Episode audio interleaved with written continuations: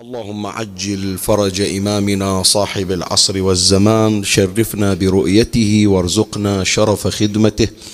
وارض اللهم قلبه عنا فإن في رضا قلبه رضاك. رب اشرح لي صدري ويسر لي أمري واحلل عقدة من لساني يفقه قولي. يا كاشف الكرب عن وجه أخيه الحسين اكشف كربي بجاه أخيك الحسين. صلى الله عليك يا سيدي ويا مولاي يا رسول الله.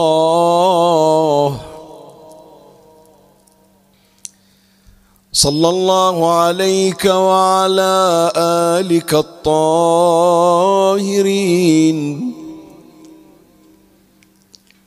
فاز من اعتصم بكم وامنا من لجأ إليكم. يا ليتنا يا ليتنا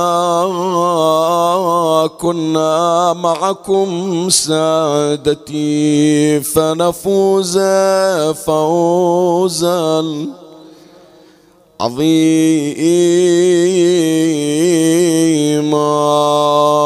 يا غريب. يا مظلوم. كربلاء. هذا الذي هذا الذي تعرف البطحاء وطأته. هذا الذي تعرف البطحاء وطأته والبيت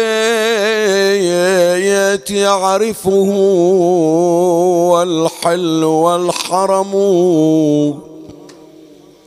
هذا ابن خير عباد الله كلهم.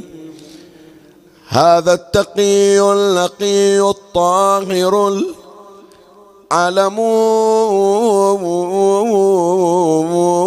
هذا علي رسول الله والده امست بنور هداه تهتدي الامم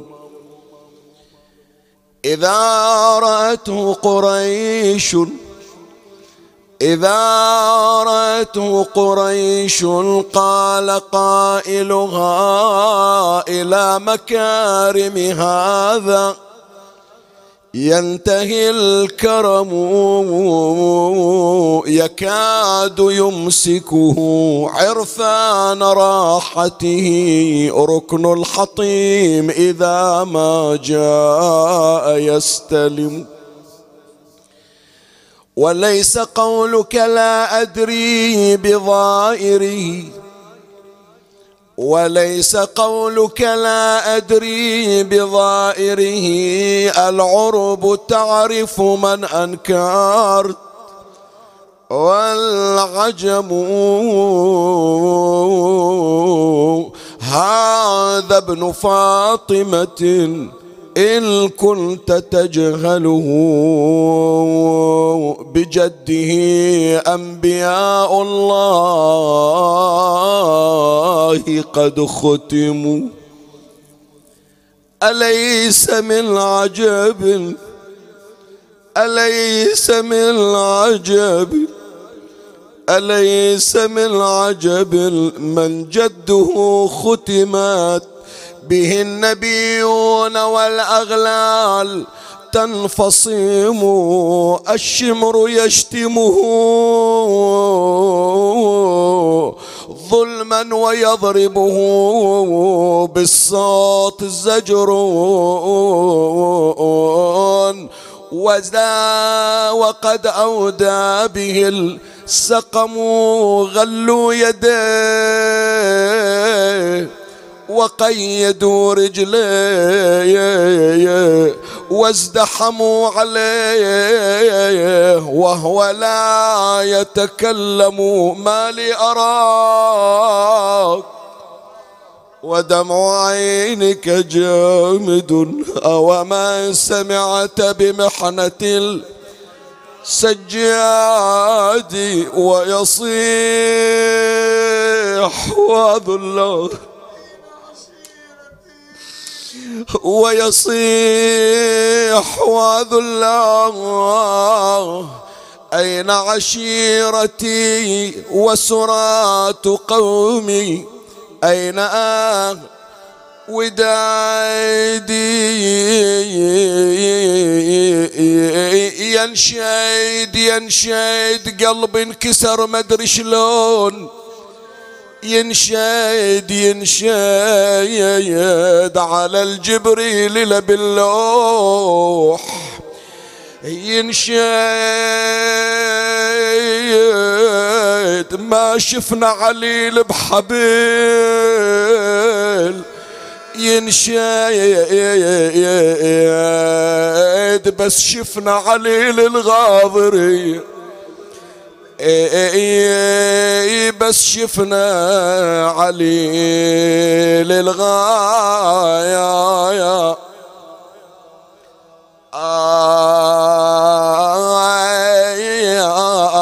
آذري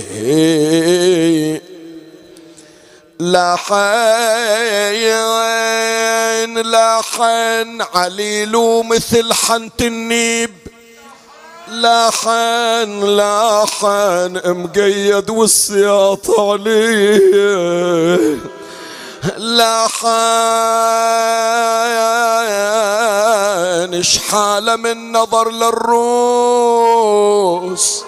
لحن لحن فوق رماح وعيال سبي اي فوق رماح وعيال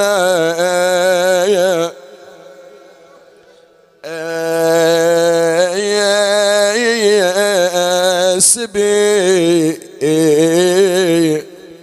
ولا مرة وبزين العابدين مقيدين. ولا طلع فزاع من أهل المدينة. مروا بعلي المقيدين على المطين يجذب الونة ودمعته بخده جري ينظر اخوانه وعزوته فوق الوطي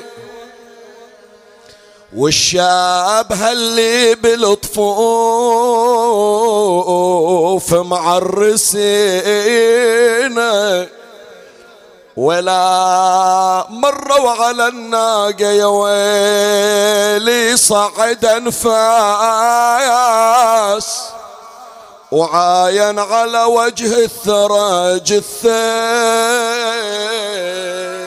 بلا راس وينظر إلى صوب النهار جثة فوق النهر مرمي وسهم وصاط عينه مولاتي زينب على الناقة نظرت إلى زين العابدين وجامعة الأسر على صدر. ما عد هوالي المن تنتخي توجهت إلى النجف إلى جهة حلال المشاكل. صاحت يا من يا من يدير الفلك بيد وجبريل من جملة عبيد ويا مطوق العمر بعمود. والبحر لما زاد زعودة زبرت ولا تعدى حدود. حدود عودة يا ابو الحسن. عود ولدكم نخاكم يا جدود. ترى الجامعة حزت زنودة وعضت على ساقاقي.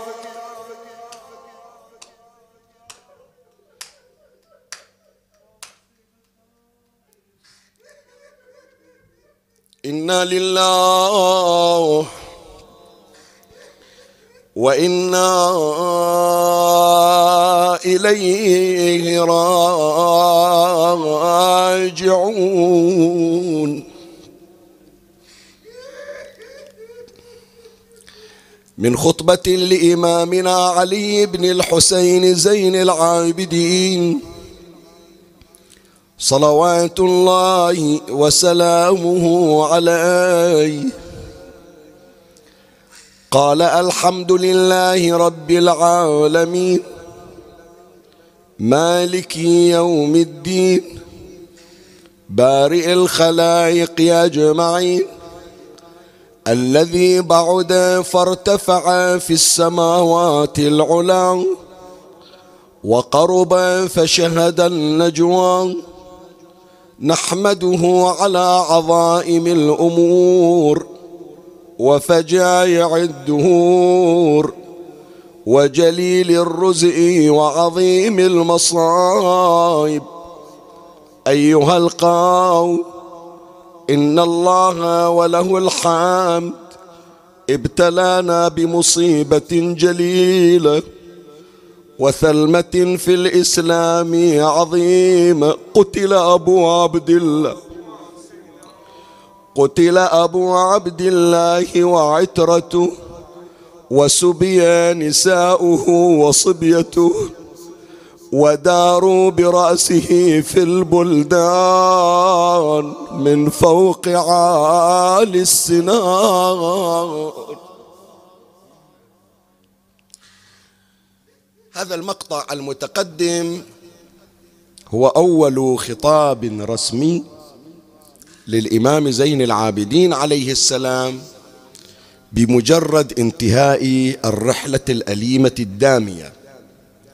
فلهذا كان ظرف زمان وظرف مكان هذه الخطبة كما ذكر رواة أول رجوع إمامنا عليه السلام من تلك السفرة الشاقة ودخوله إلى المدينة. وكان ذلك في السويعات الأولى من ورود الإمام عليه السلام إلى المدينة المنورة. يعني هذه الخطبة لم تكن بعد دخول الإمام إلى منزله بل قبل حتى إتيانه إلى قبر جده المصطفى صلى الله عليه وآله. فبمجرد أن أرسل الإمام زين العابدين عليه السلام بشر بن حذلم واستخرج المدينة بأسرها وينتظرون مشاهدة الإمام خرج الإمام كما ذكروا من خيمته وبيده منديل يكفكف به دموعه وأمر بكرسي فجيء له بكرسي وصعد الإمام يعني خطاب رسمي. هذا أول خطاب رسمي من الإمام سلام الله عليه بعد مقتل الإمام الحسين عليه السلام. الآن تقول لي الخطبة اللي كانت في الشام والخطبة التي كانت مثلا في الكوفة وفي الطريق؟ لا.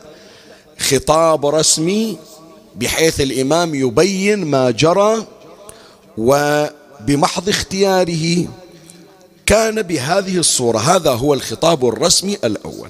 والخطبة طويلة ويذكر فيها الإمام سلام الله عليه مجموعة من آلامه ومجموعة من معاناته.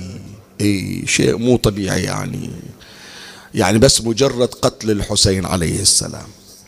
تصور إذا الحديث يعبر عن قتل الحسين عليه السلام بأن له حرارة في قلب المؤمن. الإنسان المؤمن تجي إلى مؤمن بعد 1500 سنة بمجرد أن يستذكر مقتل الحسين عليه السلام. هو ما شايف فقط يستذكر تسبب حرارة في قلبه. فكيف هي الحرارة في قلب أقرب الناس له وهو ولده زين العابدين. أنا وأنت المفروض عندنا حرارة لمقتل الحسين. شيخ حسن الدمستاني يقول وقليل تتلف الأرواح في رزء الحسين. يعني شخص اللي يذكر مصاب الحسين فيفارق الحياة. حزنا عليه. يقول هذا مو غريب. عجبا من مرس في قلبه حب الإمام. كيف عاشوا يوم عاشورا وما ذاقوا الحمام؟ بل أرى نوحهم يقصر عن نوح الحمام. حمامة عندها بيضتين يكسرونها إلها الظل طول عمرها إلى أن تموت تحن على ذيك البيضة اللي كسروها. فلهذا شيخ حسن يقول بل أرى نوحهم يقصر عن نوح الحمام وسواء فقد فرخين وفقدان الحسين. حمامة بهيمة طير صغير كسروا لها بيضتين إلى أن تموت تبكي على هالبيضتين. ونحن فقدنا حسينا. فكيف نبقى على قيد الحياة لكن هذه برحمة من الله؟ فإذا إحنا عندنا هذه الحرارة فكيف بمن؟ هو أقرب إلى الإمام؟ ومو سماع. لا مو سماع. يقول لمولاه وأنا بأم عيني نظرت إلى أبي. يعني العملية نصب عيني المشاهد كلها نصب عيني. وهذه من الأسرار يعني هذا كله الآن خارج البحث بس حتى أبين لك شيء من معاناة الإمام سلام الله عليه. يا جماعة لما يقول الإمام تنقل عنه وتنقل عن الإمام الباقر وسواء هذا النقل عن الإمام زين العابدين أو عن الإمام الباقر إذا ثبت للإمام الباقر إذا ثبت للإمام زين العابدين. أنا في خيمتي وأسمع أضلاع والدي تتكسر كما تتكسر القوارير. طيب الإمام زين العابدين هو وحده. سؤال شوف أنا أريد أكشف لك عن بعض الأمور. بس هو وحده في المخيم لو النساء والأطفال وياه. فاللي يسمع الإمام زين العابدين لابد راح يسمعون النساء والأطفال. تمام لولا لكن لم تؤثر هذه الكلمة إلا عن أحد الإمامين. إما الإمام زين العابدين أو ولده الإمام الباقر. فإذا كانت هناك مكاشفة. بين الإمام وبين أبيه. الله كشف له. كشف عن سمعه عن بصره عن كل حاجز. الأمور المحجوبة عن الأطفال وإلا أنت جنابك عظم كسرة عند حرم الحسين وأنت واقف بالمخيم ما تسمع الكسر. صحيح لو لا؟ أصلا لو يصير حادث سيارة بعيد الشر عند باب الحرم وأنت بالمخيم ما تسمع صوت الصدمة. صحيح؟ فكيف بعظم؟ لكن الإمام خلاص بعد ارتفعت الحواجز. فالله عز وجل ألقى هذه المحن وألقى هذه البلايا وألقى هذه المصائب على قلب إمامنا ليعلو شأنه. فما مقام يعقوب النبي بأعظم من مقام زين العابدين؟ وما مقام أيوب النبي بأعظم من مقام زين العابدين؟ هذه الابتلاءات والآلام حتى يرتفع المقام وتعلو الدرجة. فلهذا بعد مو يسمع من بعيد لا. كل شيء نصب عينه هو يقول وأنا بأم عيني شلون بأم أنت بالخيمة سيدي. لكن لا نصب عينيه يرى كيف يذبح الحسين عليه. ونصب عينيه يرى كيف يصعد الحافر على صدر الحسين. وبأم وبأذنه يسمع الكسر مو عن مسافة لا وكأنما عظم الحسين أمام عينيه ويسمع الكسر. يقول كما تتكسر القوارير. يعني الكسر بصوت واضح. وهذا كله لمضاعفة درجات إمامنا عليه السلام. فأي آلام وأي معاناة على صاحب هذا اليوم؟ أي ألم وأي هم يمر على أحد كما مر على زين العابدين؟ وبس قبل لا أتجاوز التمهيد وأدخل في صلب البحث بس أقول هالكلمة اللي هي كل هذه سبحان الله. خارج إطار التحضير. هذه من فيوضاتهم عليهم السلام. سؤال وأنتظر من عندك الجواب. أي حجم بلغ قلب الحوراء زينب عليه السلام؟ سؤال أسأل. قلب زينب صبر زينب إلى أي حد مدى؟ وصل. رد علي ما إلى حد؟ زين. ما إلى حد. هالصبر اللي ما إلى حد؟ هالقلب اللي ما إلى حد؟ سنة واحدة ما قدرت تبقى عقب الحسين. سنة واحدة قضتها زينب عليها السلام وفارقت الحياة من كمدها على أخيها وهي صاحبة القلب الصبور. صحيح لو لا؟ يعني التي نظرت إلى ابن أمها مقتولا مكبوبا مرضوضا. يضرب رأسه صح تحملت لكن طاقتها الاستيعابية هو من محرم إلى محرم على محرم. حط ستة أشهر سنة ونص إلى شهر رجب. وفارقت الحياة وهو قلب زينب. قلب زين العابدين ثمانية وثلاثين سنة. ثمانية وثلاثين سنة يتجرع المرارات. ثمانية وثلاثين سنة مو مثلنا نبكي أول يوم على أبونا من يموت وعقب أسبوع تبرد الحرارة وعقب سنة ننسى وتالي نسولف ونضحك. لا ما قدم له طعام ولا شراب. إلا ومزجه بدموعه يعني تجي إلى زين العابدين عقب 38 سنة عقب 38 سنة هو عاشر محرم مذبوح الحسين قدامه فأي قلب؟ كيف صمد؟ وكيف صبر؟ وأي ألم على قلبه؟ أنت بس تتخيل ألام آلام الإمام سلام الله عليه. وأنت إذا من تمر عليك العبارة ما قدم له طعام ولا شراب إلا مزهجه بدو كل ما ياكل اشرب ما يشرب ياكل فقط للتقوت. فاشتكى الإمام سوء التغذية فضلا عن الألم النفسي. ثمانية وثلاثين سنة ما ياكل. أكل فقط للإعاشة للتقوت بس. شنو هالألم ثمانية وثلاثين سنة؟ شنو هالألم؟ شنو هالألم؟ بس أنت تصوره وتعرف حجم المعاناة وسيمر علينا في نهاية الكلام. كيف التقى إمامنا زين العابدين عليه السلام بأبيه قبل رحيله وشهادته بلحظات؟ أي نعم. هذه تبرد قلبك شوية خصوصا الأشخاص الذين لم يوفقوا لزيارة قبر الحسين عليه السلام. أكو بعض الأشخاص اللي الآن محترقة قلوبهم يقولون سنوات إحنا نتمنى نروح إلى كربلاء ما الله عطانا لكن شوف الحسين ما يكسر خاطر أحبائه. الشخص اللي يعيش مع الحسين عليه السلام الحسين يعيش معه. فلازم يوجب الحسين يوم من الأيام ويجيبه إلى زيارة كربلاء. من يجي عاد يوصل إلى كربلاء إلى قبر الحسين عليه السلام يقول له أبو علي تالي وجبتني يعني دمعتي منظورة بكائي منظور حزني منظور. فنهاية المطاف يصل إلى قبر المعشوق. زين العابدين ثمانية وثلاثين سنة يبكي على أبي. شلون ما يوجب أبوه فلهذا في آخر حياة زين العابدين كما سيمر علينا في قراءة الرواية نظر إلى أبيه الحسين واقفا أمامه. حضر له حضر له ترى. ها أبويا ثمانية وثلاثين سنة ما نسيتني ما بطلت بواجي ما أخليك. أنا جاي أخذك أطلعك من الدنيا فبعد هذا كله نأتي للحديث عن آلام الإمام ومعاناته. هذه سلسلة كنت قد ابتدأتها منذ الليلة الماضية بعنوان سلسلة تعرف على الإمام السجاد عليه السلام. حاول أنه في هذه المجالس الأربعة البارحة واليوم وهذه هي الحلقة الثالثة وتبقت علينا حلقة عصرا ستكون إن شاء الله. نتعرف على بعض من شؤون إمامنا عليه السلام. وهذا اليوم نريد أن نتعرف على آلامه ومعاناته وسأمر عليها تباعا. أحاول أنه أضغط الموضوع حتى نعيش في أحزان الإمام. ومن الله أستمد العون والتوفيق. ومن مولاي أبي الفضل العباس المدد وألتمس منكم الدعاء. وثلاثا بأعلى الأصوات صلوا على محمد وآل محمد.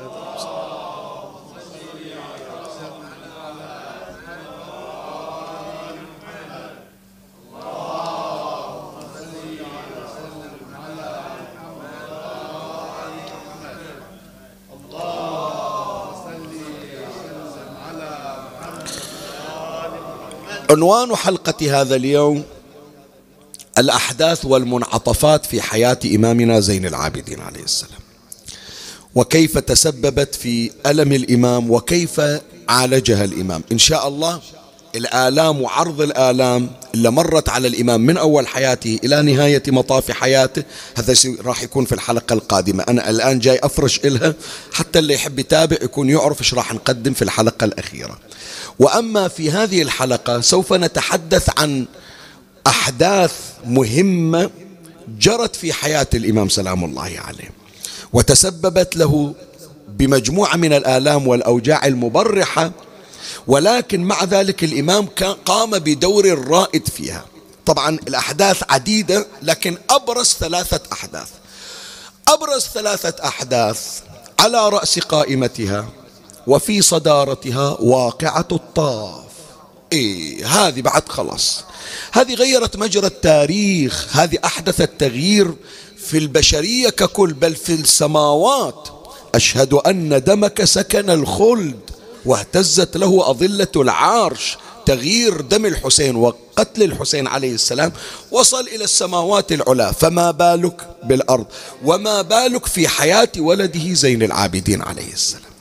طيب قبل أنه أشير إلى هذا الدور المهم وهذا المنعطف في حياة الإمام بعد واقعة الطف يا جماعة نحسب من ليلة 11 من ليلة 11 محرم إلى مجيء الإمام إلى المدينة. الإمام شنو دوره؟ شنو الألم اللي كان عليه؟ اللي يتصورون الناس بأن الإمام سلام الله عليه لا ملقى على الفراش ملقى على النوط أو مقيد ما إلى دور والدور كله على الحوراء زينب. وهذا الكلام مو صحيح.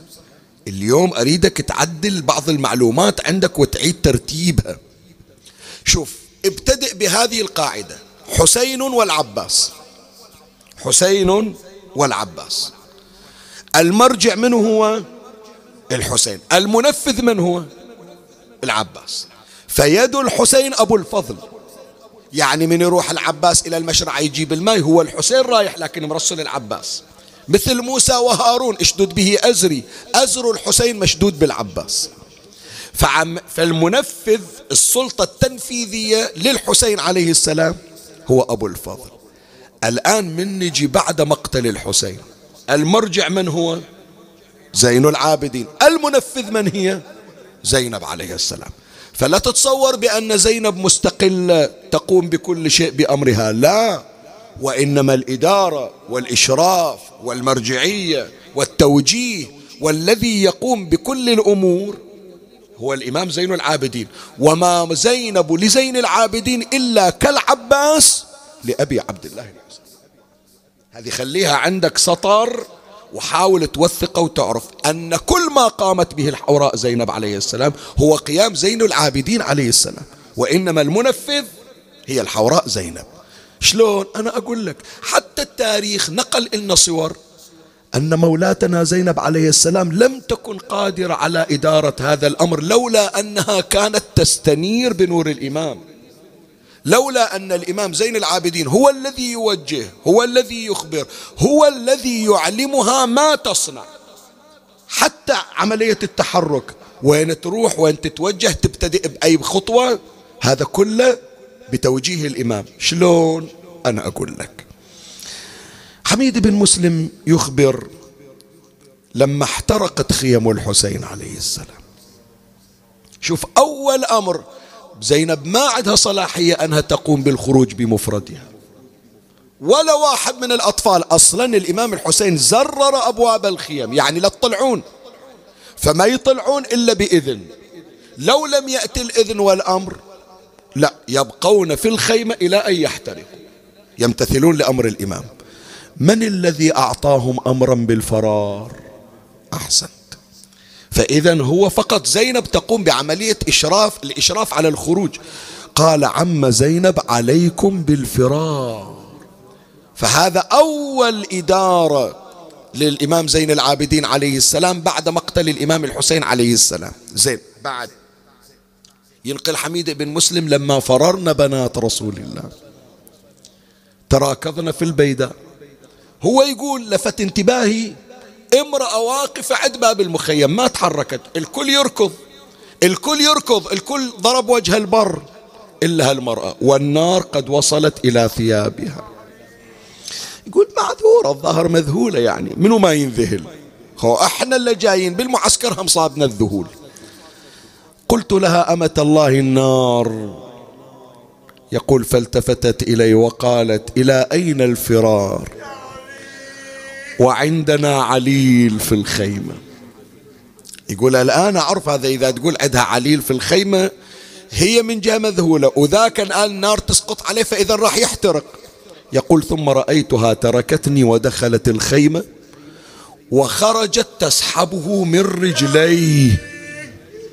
طلعت الإمام من داخل الخيمة. شاهدي وين في هذه الكلمة؟ الآن من طلعت الإمام ومددته على التراب؟ شلون قامت إلى بقية المهام؟ بإخبار الإمام سلام الله عليه. يعني. كان تقول له أبا محمد الآن شو أسوي؟ قال عم اجمع النساء والأطفال. فرحركات مولاتي زينب من تروح تدور الأطفال تجيب طفلين ماتا عطشا تجيب عاتكة بنت, بنت مسلم ابن عقيل سحقتها الخيل تدور على الرباب تدور على النساء. هذه كلها بإشراف الإمام. الإمام يصدر أمر ولا تنفذ مني؟ الحوراء زينب عليه السلام. زين يوم الحادي عشر وهي من آلام الإمام سلام الله عليه وأيضا من إدارة الإمام. المعروف اللي ركب النساء منه زينب وأم كلثوم. لكن الذي كان يشرف على التركيب الإشراف على التركيب يعني شنو؟ يعني تبتدئ بمن زينب وتنتهي بمن؟ وشلون تصعد؟ وشلون تنزل؟ هذا من اللي يقوم بالإشراف؟ زين العابدين. حتى بقيت زينب. خلاص ركبوا النساء صعدا. بقت زينب وأم كلثوم التفتت إلى أختها أخي اركبي قالت إذا أنا ركبت أنت من يركبك؟ قالت ما عندي أحد يركبني زين صعود الناقة مو سهل. ارتفاع الناقة تقريبا متر ونص إلى مترين. فإمرأة حتى تصعد مترين لا حاطين إلها كرسي لا حاطين إلها مرتفع. ولا عندها واحد ياخذ بإيدها. طلعتها كان عندها أبو فاضل عندها إخوانها. الآن من وياها؟ هكذا يذكر الشيخ المازندراني فجاء زين العابدين يتوكع على عصا.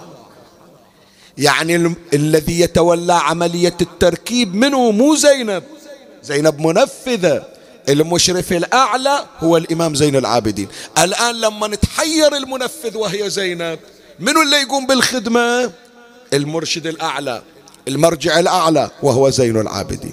فجاء يتوكأ إمامنا على عصا وقال يا عم اركبي على ظهري. زين شلون انت بهالحالة انت مشي ما قادر تمشي؟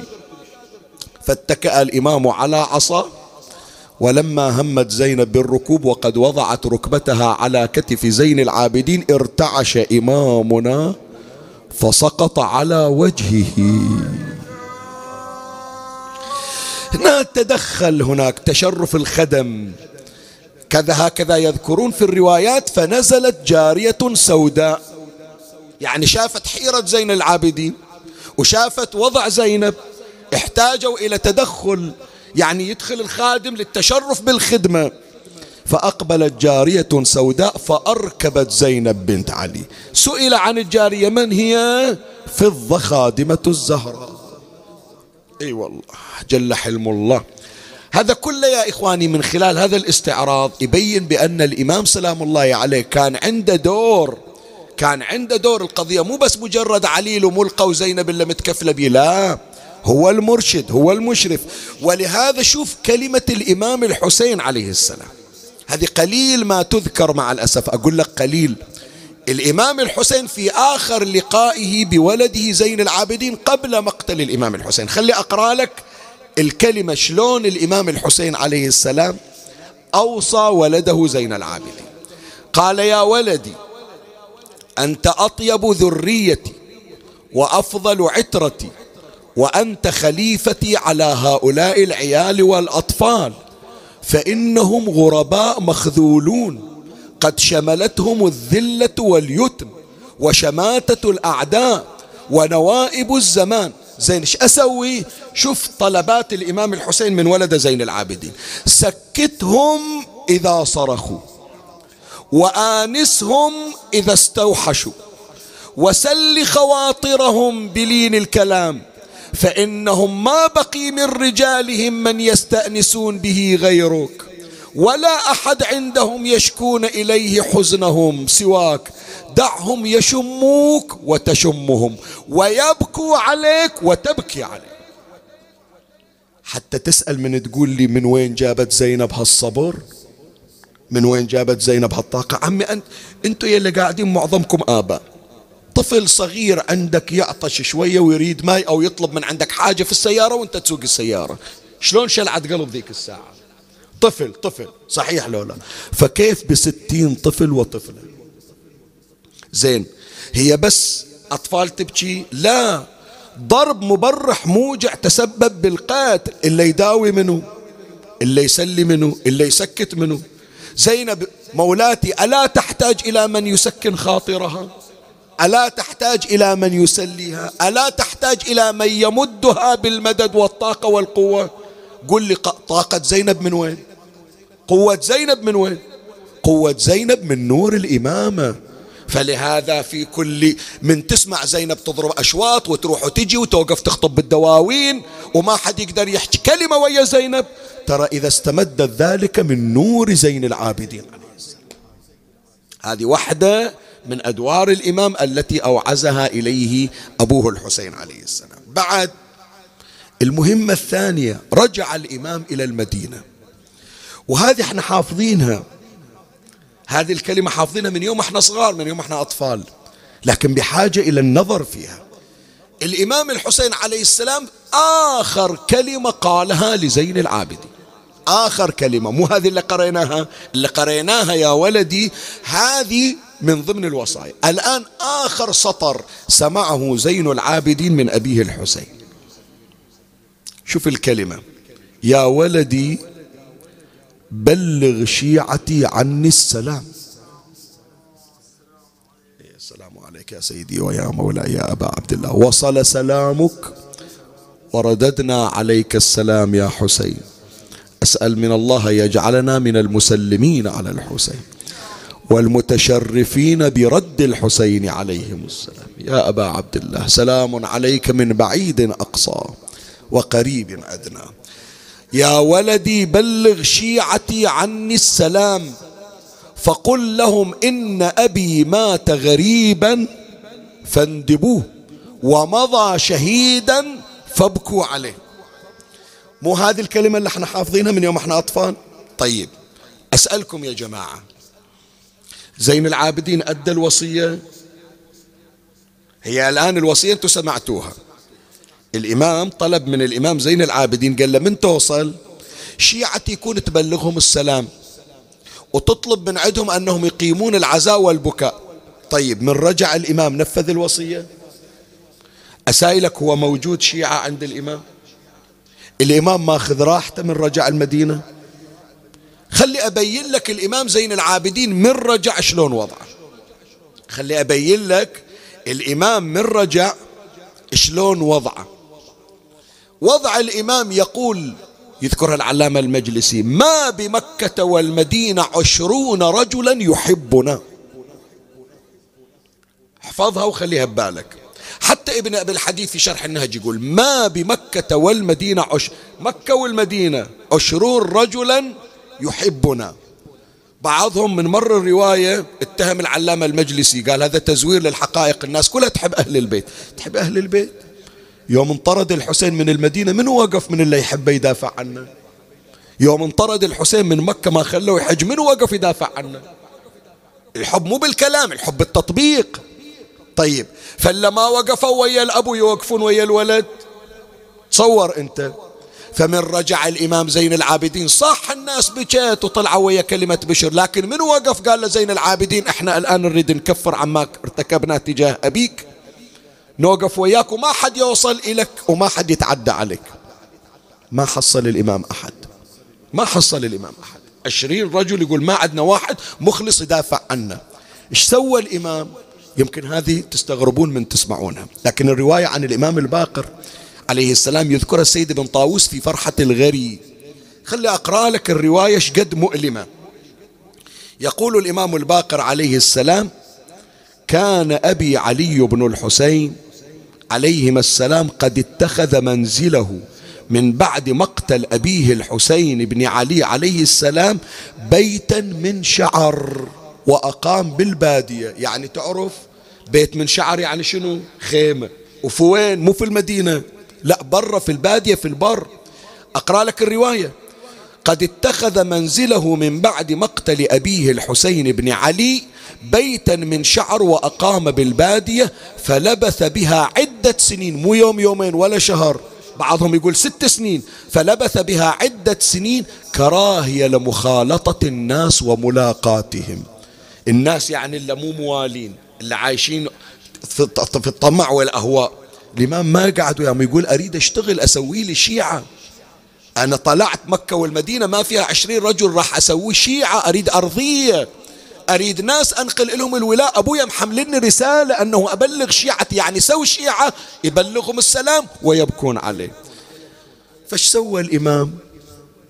ابتدأ بتحريك المشاعر. ابتدأ بتحريك القلوب. قام هذه القلوب اللي جافة العين اليابسة اللي ما دمعت على الحسين.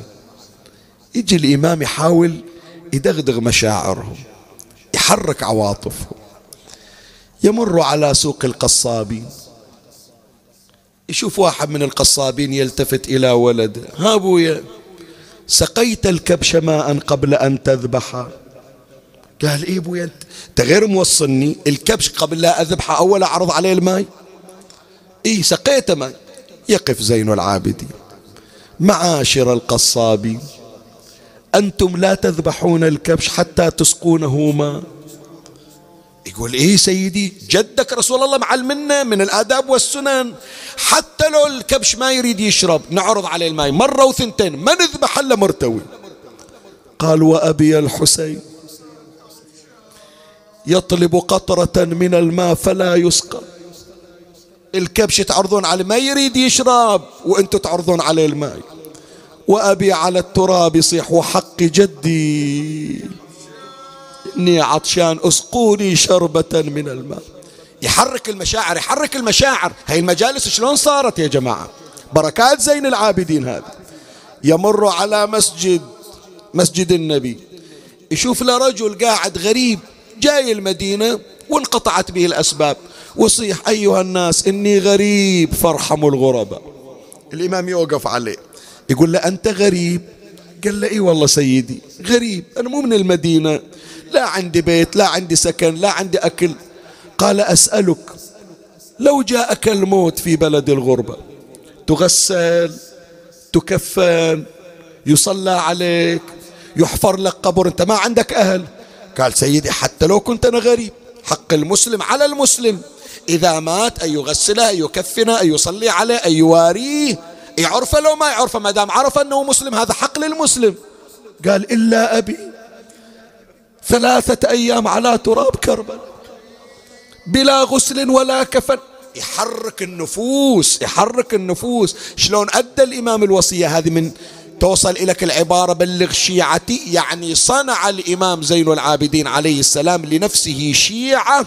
وبلغهم سلام أبيه الحسين وأمرهم بالبكاء والندبة عليه. اللهم اجعلنا من شيعة زين العابدين الذين وصل إليهم سلام الحسين عن طريقه فكانوا من الباكين على الحسين عليه السلام. زين الدور المنعطف الثاني. المنعطف الثاني اللي كان من أهم الأحداث اللي في حياة إمامنا زين العابدين. إعلان إمامة الإمام زين العابدين عند الحجر الأسود. وهذا من أهم الأحداث في حياة الإمام سلام الله عليه. يعني. الإمام لست سنوات ما يعرفون بأنه الإمام تدري لولا واحد من أولاد أهل البيت واحد أبوه الحسين. لكن كيف أعلن الإمام سلام الله عليه للجماهير إمامته؟ هنا يأتي دور سيدنا محمد بن الحنفية. اللي يجون مع الأسف ناس يتهجمون عليه. وأنا أتشرف أن أكون من المنتصرين له. محمد بن الحنفية بعض من المؤاخذات اللي ياخذونها البعض عليه يقولون ادعى الإمامة ونازع الإمام زين العابدين عليه السلام في الإمامة. لا يا جماعة محمد بن الحنفية ما يسويها. محمد بن الحنفية تربية أمير المؤمنين. حب علي بن أبي طالب. يقول يقول الإمام أمير المؤمنين للحسن والحسين إني أحبه إنكم تعلمان أني أحبه. الإمام يحب واحد باكر راح يوقف في وجه الإمام يصير هذا؟ ما يصير أنه الإمام يحب شخصا والله قد أطلعه أنه سينحرف فيما بعد. لا مستحيل. كان حب الإمام عبد الرحمن ابن ملجم. الإمام يقول لعبد الرحمن بن ملجم ألم أحسن إليك وأنا أعلم بأنك قاتلي؟ مو ما أدري عنك أدري. فتتصور أمير المؤمنين يوم حب محمد بن الحنفية يعرف بأنه سينحرف أو لا يعرف. إن كان يعرف بأنه سينحرف وقد انحرف وأحب فإذا الإمام ارتكب معصية وحاشا. وإذا أحبه فإذا يعلم بأنه من الموالين للأئمة صلوات الله عليه. إذا راح أقول هالكلمة حتى أقرأ هذه الرواية وأختم هذا المطلب ونروح إلى المطلب الأخير وهو ختام المجلس. مولاي الكريم إذا قالوا لك ليش محمد ابن الحنفية نازع الإمام زين العابدين عليه السلام على الإمامة واحتكم عند الحجر الأسود؟ شوف ثلاثة احتمالات ما عندنا احتمال رابع. إما أن محمد ابن الحنفية لا يعرف الإمام. هذا أول احتمال. احتمل بأن محمد بن الحنفية ما يدري منه الإمام. وهذا معناه تقصير من أمير المؤمنين ومن الحسن والحسين. شلون هم يوجهون الناس؟ أنت تعرف منه الأئمة؟ تعلم أولادك الأئمة. شلون أولاد الأئمة ما يعرفون منه الإمام؟ معروفون بأسمائهم. جابر أردته الصديقة الزهراء عليه السلام لوحا أخضر فيه أسماء الأئمة. من محمد إلى محمد. اللهم صل على فإذا جابر أهل البيت يعلمون من هو الإمام يصير أهل البيت ما يعلمون أو إخوانهم من هو الإمام. زين. فأولا نقول يمكن ما يعرف من هو الإمام. الاحتمال الثاني لا يعرف منه الإمام لكن أنكره. أدري أن الإمام بعد الحسين هو علي زين العابدين لكن أنا لا طمعت في الإمامة. طيب. الاحتمال والأول والاحتمال الثاني أنه ما يعرفه أو يعرفه. ما يمكن أنه نقبله. ليش؟ أنا أقول لك. الآن لو أنا حاضر بالمجلس كمستمع أقول والله شيخ ياسين ما يعرف يقرأ ما يعرف يركب كلمة على كلمة. زين شيخ ياسين يقول لي أنا راح أنزل من على المنبر أنت استلم المنبر واصعد. إما أنا أعرف أقرأ فآخذ مكان شيخ ياسين وأكمل عنه. وإذا ما أعرف أقرأ وما أعرف أصعد منبر ما أتجرأ حتى ما أخجل نفسي قدام الناس. صحيح لو لا؟ الآن لو واحد يروح إلى السيد السيستاني يقول له أنت لا مرجع ولا تعرف شيء وأنا أعلم من عندك. يقول له تفضل أخذ المرجعية. وهو ما يعرف حتى الطهارة غير يحرج نفسه. صحيح لو مو صحيح هذا الكلام؟ طيب. إذا محمد بن الحنفية يعرف بأن الإمام زين العابدين هو الإمام الحق شلون يقول له راح نحتكم عند الحجر ولا يشهد له الحجر الأسود بأنه هو الإمام؟ إذا ما إذا يعرف أنه هو مو الإمام شلون يروح يخجل نفسه قدام الناس؟ على الأقل ببيتهم ما حد يدري. هذه ما يسويها واحد عاقل. العاقل ما يعرض نفسه إلى الإحراج. فإذا بقي احتمال أخير وهو الواقع. هذا اللي تسمع عنه من تمر عليك الرواية. أن الإمام زين العابدين ويا محمد إجوا عند الحجر الأسود والحجر الأسود شهد لزين العابدين. بالإمامة كما سنقرأ في الرواية. مولاي هذا كله محمد بن الحنفية سواه حتى الناس اللي ما يعرفون من هو زين العابدين يعرفون عن طريق المعجز ويحضر الناس بشكل جماهيري. لأن بعض الناس قالوا لا هذا أكبر أولاد علي بن أبي طالب وهو محمد. وهيئة هيئة أمير المؤمنين فناس اعتقدوا بإمامته. وناس قالوا ما نعرف منه الإمام ولا نعرف إحنا قال الله وقال الرسول. فأرادوا معجزة سوى محمد ابن الحنفية. ويا الإمام زين العابدين. هذا المخطط وجمعوا الناس عند الحجر الأسود وشهد الحجر الأسود بالإمامة إلى علي بن الحسين. سلام الله عليه. خلي أقرأ لك الرواية الآن. يقول الإمام الباقر عليه السلام وكان الكلام بينهما يعني بين الإمام وبين محمد بمكة. فانطلقا حتى أتيا الحجر الأسود. فقال علي بن الحسين عليه السلام لمحمد بن الحنفية ابدأ أنت فابتهل إلى الله عز وجل. واسأله أن ينطق لك الحجر. ثم اسأل فابتهل. ثم ثم اسأل فابتهل محمد في الدعاء. وسأل الله عز وجل. ثم دعا الحجر فلم يجبه. يقول له يا عام غير أنت تقول إمام حتى يراوي الناس. الحجر قدامك. خلى الحجر يشهد لك بأنك إمام. إجا محمد عند الحجر الأسود. يقول له انطق إذا أنا الإمام اشهد لي. الحجر ما تحرك. ثم دعا الحجر فلم يجبه. فقال علي بن الحسين عليه السلام يا عم لو كنت وصيا وإماما لأجابك. قال له محمد فادع الله أنت يا ابن أخي. أنت غير الإمام؟ خلنا نسمع الحجر يشهد لك. إذا هو يعرف بأنه هو الإمام ليش يخجل نفسه؟ كان يقول خلاص انتهينا ونمشي ولا أحرج نفسي. بهالمقدار كافي. لا بس يريد يبين مقام الإمام. فادعوا الله أنت يا ابن أخي واسأله. فدعا الله علي بن الحسين عليه السلام بما أراد. ثم قال يعني الإمام أسألك بالذي جعل فيك ميثاق الأنبياء وميثاق الأوصياء وميثاق الناس أجمعين. لما خبرتنا من الوصي والإمام بعد الحسين بن علي عليه السلام؟ اسمع. قال فتحرك الحجر. الحجر الأسود صار يتحرك من مكانه. فتحرك الحجر حتى كاد أن يزول عن موضعه ثم أنطقه الله عز وجل بلسان عربي مبين. فقال اللهم إن الوصي والإمام بعد الحسين بن علي ابن فاطمة بنت رسول الله لك. يعني نطق الحجر لإمامنا زين العابدين. صلوا على محمد.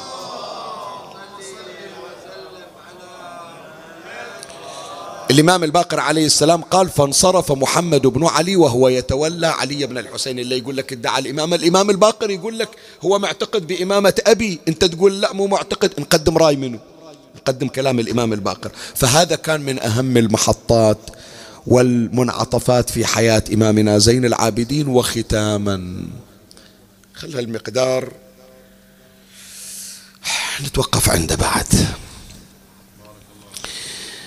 من أهم المواقف اللي مرت على الإمام زين العابدين عليه السلام لما جرت واقعة الحرة. وذلك بعد سنتين أو ثلاث سنين من مقتل الإمام الحسين يعني سنة 63 للهجرة. وهذه انتفاضة شعبية صارت في المدينة. عبد الله بن حنظلة غسيل الملائكة ثار على بني أمية وعزل والي المدينة الأموي ثم بعثوا من الشام جيشا إلى المدينة المنورة واستباحوا المدينة ثلاثة أيام. شي صار بهذه ما أريد أحكي لك يعني شيء يشيب منه الرأس. بس لو تقرأ تقول صدق يعني معقولة حتى لو الكفرة دخلوا المدينة ما يسوون مثل ما سووا. إحنا نسأل أين زين العابدين؟ زين العابدين وين كان؟ الناس كلها خايفة على أرواحها وعلى أعراضها. هل كان زين العابدين خائفا؟ تدري زين العابدين عليه السلام؟ يطلع يجي إلى مسجد النبي. سعيد بن المسيب يقول أطلع ويا علي بن الحسين. أقول له نريد نصلي عند. قال له أوديك تصلي. وين؟ الخيول مجتمعة عند قبر النبي. في ال... في الأح... في التواريخ. ربطوا الخيول في أساطين المسجد. يعني دخلوا الحيوانات إلى داخل مسجد النبي. شلون ندخل؟ العساكر عند قبر النبي شلون نوصل؟ قال أنا أراويك. سعيد بن المسيب يقول أجي ويا علي بن الحسين وقد حجب الله أبصارهم عنا. نوقف نصلي وما حد يوقف لنا يقول ورأيت رجلا عليه سرابيل خضر على فرس محذوف أشهب بيده حربة. أي واحد يجي إلى المسجد يريد يسيء إلى الإمام يلقي عليه بالحربة فيقضي عليه قبل الوصول. ملك الله رسل هذه الرعاية الربانية للإمام. في هذا الموقف اجى مروان بن الحكم. مروان بن الحكم محسوب من الخط الأموي. وعنده حريم وعنده نساء وزوجته بنت عثمان ابن عفان اسمها عائشة. كل ما يريد واحد من ربعة يلجي نساء يحميهم يقول له روح لا تأذيني. أنا يا الله أستر على أعراضي وعلى حريمي. الآن أخل وانت بنفسك تهمة؟ لا دور غيري. من الأشخاص اللي راح لهم راح إلى عبد الله ابن عمر. ما قبل. قال له هذول أهلك وجماعتك. قال له أبدا. روح دور غيري. قال ما كل أبي الضيم ما كل باب الكرم ما كل أبواب الحوائج إلا عمرهم ما سدوا باب على أحد لا على عدو ولا على صديق. فإجا إلى الإمام زين العابدين عليه السلام. قال له يا ابن الحسين رحمي وحرمي. يعني عندي أهل وعندي عيال ومو واحد ولا اثنين بعض النقولات أربعمية امرأة عنده. أربعمية تعرف أربعمية؟ وين تسكنهم؟ حملة يعني حملة مثل ما تعبر عنها اليوم. وين ما أروح أدق الباب ما حد يريد يلجيهم أريد أخليهم ويا نسائك تدير بالك عليهم. أنا أعرف أنتم لكم شان عند الله مو ما أدري. الإمام قال أفعل وأخليهم ويا حريمي. ورد في الأخبار العلامة المجلسي يقول طلعهم الإمام وداهم إلى ينبع 200 كيلو خارج المدينة حتى ما حد يوصل إلهم بسوء. وبنفس الإمام يدير باله عليهم. وبنات الإمام وأخوات الإمام يشتغلن على رعاية نساء مروان بن الحكم. زوجة مروان عائشة بنت عثمان بن عفان قالت إحنا عندنا مزرعة بالطايف وأنا 200 كيلو بعيد عن المدينة شي وديني أريد مكان قريب ودوني إلى الطايف. الإمام زين العابدين قال ما يخالف. رسل ولده عبد الله بن علي بن الحسين قال له تروح وياها توديها إلى مزرعتها هناك وتوقف تحرس المزرعة بنفسك ولا حد يوصل إليها إلى أن يجي واحد من أهلها ويستلمها. ويطلعها ابن الإمام زين العابدين عبد الله ويوديها من ينبوع إلى الطايف شوف المسافة ويجيبها إلى مكان سكنها إلى المزرعة مالت زوجها ويوقف ابن الحسين حارس على الباب يحمي واحدة من نساء مروان بن الحكم. إلى أن يجي مروان بن الحكم ويستلم عائلته ويرجعون بالسلامة. يوم بيوم يا حجي يوم بيوم ملكنا فكان العفو منا سجية. ولما ملكتم سال بالدم أبطحوا وحرمتم قتل الأسارى ولم نزل نعف عن العاصين منكم ونصفح. وحسبكم هذا التفاوت بيننا وكل إناء. نسوان مروان بن الحكم دخلهم زين العابدين وحرسهم. ونسوان زين العابدين. وين وداهم مروان بن الحكم؟ قال جعلونا في خربة لا سقف لها ولا تقل لنا عن حر ولا عن قار. لقيه المنهال بن عامر. في بعض سكك الشام وجامعة الأسر على صدر. والغل والقيد في يديه ورجليه وقف عنده المنغال قال سيدي كيف أصبحت؟ قال يا منهال أصبحت العرب تفتخر على العجم بأن محمدا منها. وأصبحت قريش تفتخر على سائر العرب بأن محمدا منها. وأصبحنا آل محمد مطرودين المخذولين يا منهال وضعونا في خربة لا سقف لها. حتى تقشرت وجوه عماتي وأخواتي من حرارة الشمس. يا منهال إن قرع إن دمعت منا عين قرعت بالسياط. قلبي ذايب يا منهال لا تسأل عن أحوالي. عشيرة راحت من ايدي وبيت من الأهل خالي. أنا كل الناس يا من هال تعرف سؤددي وجودي وكل الخلق يا من هال تعرف أهلي وجدودي. من هال سواني الزمن يا ناس أمشي واسحب قيودي. وزينب عمتي ظلت غريبة مع الهوالي. خل أسولف لك من هال أسولف لك إيش صار علينا. تكسر الخاطر عمتي يوم ادخلوغك المجلس وهي متحيرة بيتام أخوها. كل ما تنادي يا علي سبا أبوها ويقولون سكت من البكاية الخارجية قال المنهل فخرجت امرأة من الخربة. وهي تنادي أين أنت يا نعم السلف؟ أين أنت يا, يا نعم الخلف؟ أين أنت يا بغتال السلف؟ سألت عنها قال هذه عمتي زينب. ظلت تجود بروحها زينب حزينة. تنادي عسمتنا ولا للشام جينا يا حسين والله سفرة القشرة. علينا يا يا مهجتي بيني وبينك فرق البين.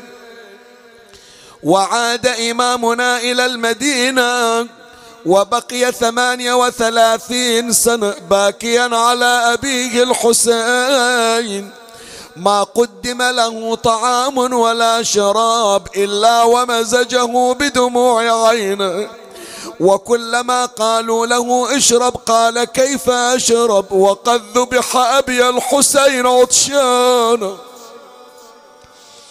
كل يا ابن الحسين قال كيف آكل؟ وقد قتل أبي جائعا ولي مصيبة اللي هيجت حزني. علي عاينت صدر حسين تحت أعوجي قلب انكسر من ركبه وزينب. مطية ما ينسى لها وقفتها على الباب. أويلي قال له يا شبل المصطفى ورب السيادة صار القتل ليكم يا هل هالبيت عاد وانتو كرامتكم من الله. الشهادة يا معود على كثر المصايب يا ابن الأنجام. اويلي قال له ودمع العين فوق الخد همان. حزني يا أبو حمزة ما هو الفقد الرجال. تركيب عماتي يا أبو حمزة على جمال نغصت رعيشي ولذيذ الزاد ما طال. أويل ما نكست راسي ما نكست راسي لجل ذبح الصناديد. ما قصروا بالغاضر يزلزل البيت. شو اللي نزل راسك. نكس لراسي دخول زينب. مجلس يزيد ما ينسى ذلها ووقفتها على الباب. أريد أقرأ هذا البيت وأرجع إلى المصيبة. زينب زينب هالأيام شو تصيح؟ ودوا لشيعتنا خبر عن ضيم حالي وضيعتي. بالشام آيا بلوتي ما تنوصف يا شيعتي. دقوا الصدور هلوا الدمع لا من ذكرت مصيبتي. ليش؟ ويا العليل مكتفة والحبل جرح رقبت من تريد زينب تعتب تعتب على منو يا جماعة؟ تعتب على أخوها الحسين؟ ما تقدر راس الحسين بالطشت يضربه بالخيزران ويكسر أضراسه تعتب على أبو فاضل راسه على الرمح وين تعاتبه؟ تعتب على زين العابدين الجامعة على صدره شلون تعتب عليه؟ لكن إلا مدفون بالنجف. اللي يسمونه حلال المشاكل إلا من تصيح به وحدة وتصيح يا أبا الغوث يا علي. يحضر إلها تقول خلي أناديه يمكن يحضر البنات. صاحت يا نور المساجد والمدارس يا ذباح كل سبع وفارس ترضى يا مل الدين حارس علي يا علي يدخلون زينب. ثمانية وثلاثون سنة قضاها الإمام في حزن وكآب. ولما دنت أيامه وتقرب حمامه أرسل الوليد بن عبد الملك سما إلى واليه في المدينة وبعثه إلى زين العابدين وقدسوه إليه في طعام فسم إمامنا السجاد. مع ضعفه مع انتحاله. خلو خليتونا ما تحصر على ابوه قال الشيخ المازندراني وفي مثل هذا اليوم أغشي على إمامنا ثلاث مرات. خلي أحرق قلبك بعد. خلي أحرق قلبك. بهالكلمة هذه أودع هذا اليوم وصاحب هذا اليوم. اليوم اليوم الإمام زين العابدين التفت إلى الباقر. قال له أبويا قال له نعم. قال افتح باب البيت. قال له إن شاء الله. فتح الباب. قال فرشوا لي فراش عند الباب. فرشوا له فراش. قال حط وسادة لأني ما أقدر أقعد. وخلوني عند الباب. جابوا له الوسادة وحطوها على الفراش وخلوا الفراش مقابل للباب. وظل زين العابدين ينظر إلى الباب وطالع بالباب. شوية وإذا واحد نوراني إجا. ووقف عند الباب وقام يأشر عليه. قام الإمام زين العابدين يحرك راسه. الإمام الباقر التفت إلى أبي قال له أبويا منو هذا؟ قال له ما عرفته. قال له لا منو هذا؟ قال هذا أبي الحسين. جاي إلي يقول لي يلا يا ولدي تعال كافي مصايب. بس أنا أسائل أقول له يا ابن الحسين يوم جاك أبوك ساعة الاحتضار إجا وراسه على الجسد. لو إجا جسد بلا راس. قال ولدي إن أبي يقول إلي عجل يا ولدي فإنا إليك مشتاقون. ثم ألقى بنفسه على الفراش وأغمي عليه. أين الصارخ؟ أين المنادي وإمامه؟ أفاق الإمام من غشوته. التفت إلى ولده الباقر قال أوصيك بما أوصاني به أبي عند الوفاة إياك وظلم من لا يجد ناصرا عليك إلا الله. ثم دفع إليه مواريث النبوة والإمامة ثم قال ولدي محمد وجهني إلى جهة القبلة. وجهه إلى جهة القبلة ولسانه مختلج بذكر الله ثم انقطع صوته. وصار جبينه يتصبب عرقا وحينها أسبل يديك وبد رجليه وغمض عينيه وأشرق النور من جبينه وفاضت روح إمامنا. أين الصارخ عليك؟ أين الضاج عليك؟ أين المنادي وعليا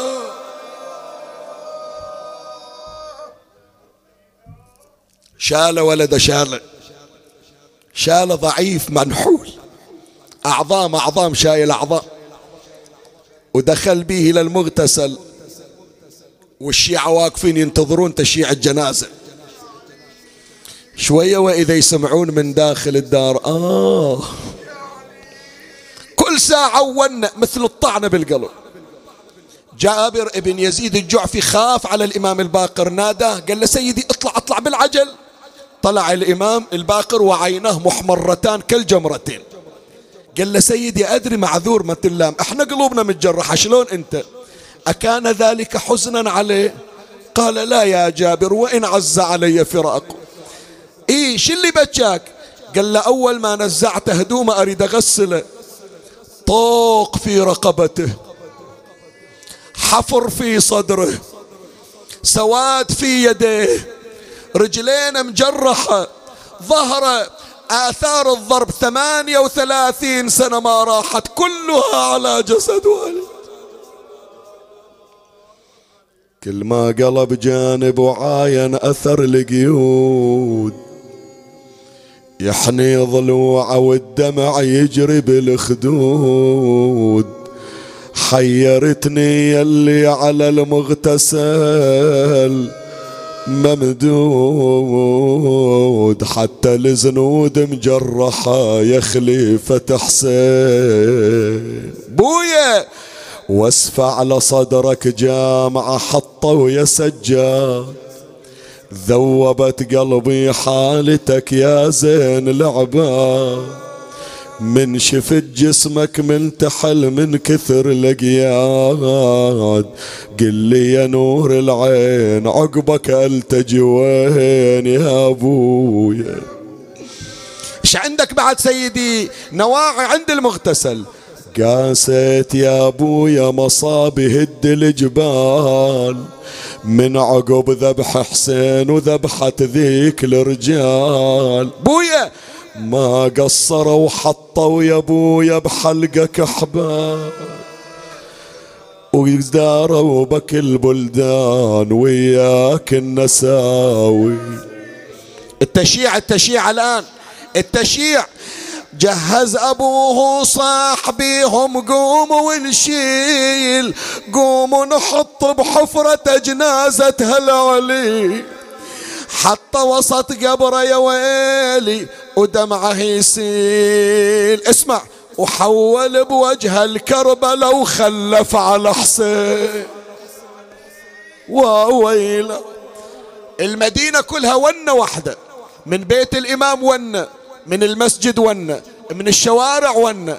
لكن من صوب البقيع سمعوا وحدة وين كنا يقولون للإمام الباقر هي من اللي توين؟ وحدة من بناتكم طالعة. قال لا إحنا بناتنا ما تطلع من البيوت. اي من هلت وين؟ يا أهل المدينة ونت الزهرة تستقبل ولدها الجنازة الثانية. بده يحطون هالقبر صوب القبر المهدوم الأول. يا أهل المدينة ولت الزهرة اسمعوها. وسطت قبرها تصيح كبدي. قطعوها عن الصفايح يا المحبين. ارفعوها ابطلع على الدنيا وبشوف إيش صاير اليوم. وويل ما قصرتوا. شنو من مجلس هذا اليوم؟ يا ريت هالونة وهالدمعة عند قبر المقفولة الحين إلا ما أحد يزور. يا ريت قعدتكم الآن هناك عند بابه إلا سادينه وماكو لا موكب ولا شمعة على قبره بس عمي يوم جمعة وديتك للبقيع مالك خلق تروح كربلاء اي مثل ما رحنا بأرواحنا إلى البقيع خلي نمر هناك. الأربعينية جاية أقرأ هالكلمة. العلامة المجلسي الشيخ المازندراني بالروايات يذكرون. يقولون أول ما جابوا نعش الإمام زين العابدين إلى البقيع ونزلوا النعش. صرخت البقيع صرخة واحدة الله أكبر. من صرخوا بالبقيع؟ الله أكبر. كل المدينة صرخت الله أكبر. فيذكر الرواة وإذا بصوت التكبير في السماء الله أكبر. فاتصل التكبير بين الأرض والسماء على جنازة زين العابدين. عمي صار التكبير على نعش زين العابدين. ورفع رأس حسين على رمح طويل. وصرخ شمر الله أكبر. فضج قتلة الحسين الله أكبر. وإذا الملائكة في السماء تنادي الله أكبر. وإذا جبرائيل يصيح ذبح الإمام. ابن الإمام. أخو الإمام أبو الأئمة وإذا وحدة من المخيم تصيح حسين. المسامحة يا حسين. ما أقدر الجية أمشي بلي قناع ما ترضى. أما تجي لو ترسل العباس. لي حرمة وهجمة ليل ما يخفاكم الحال. إيش عندك ويا زينب؟ إيش عندك؟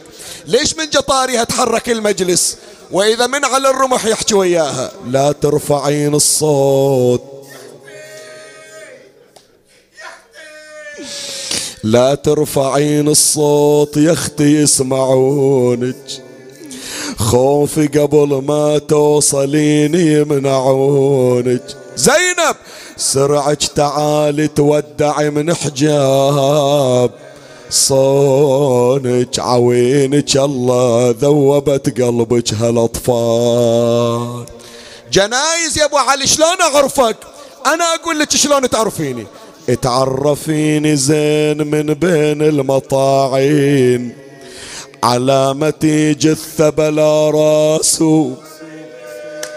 بليدين. زينب! عندي زنود مقطعة منها. الكفة منو قصها؟ ما قطعوها القوم قطعها الجمال. من متى ما قاري هالبيت؟ من زمان ما قارنا. شقد مؤذي. أنا منعت لكن جفوفي براها.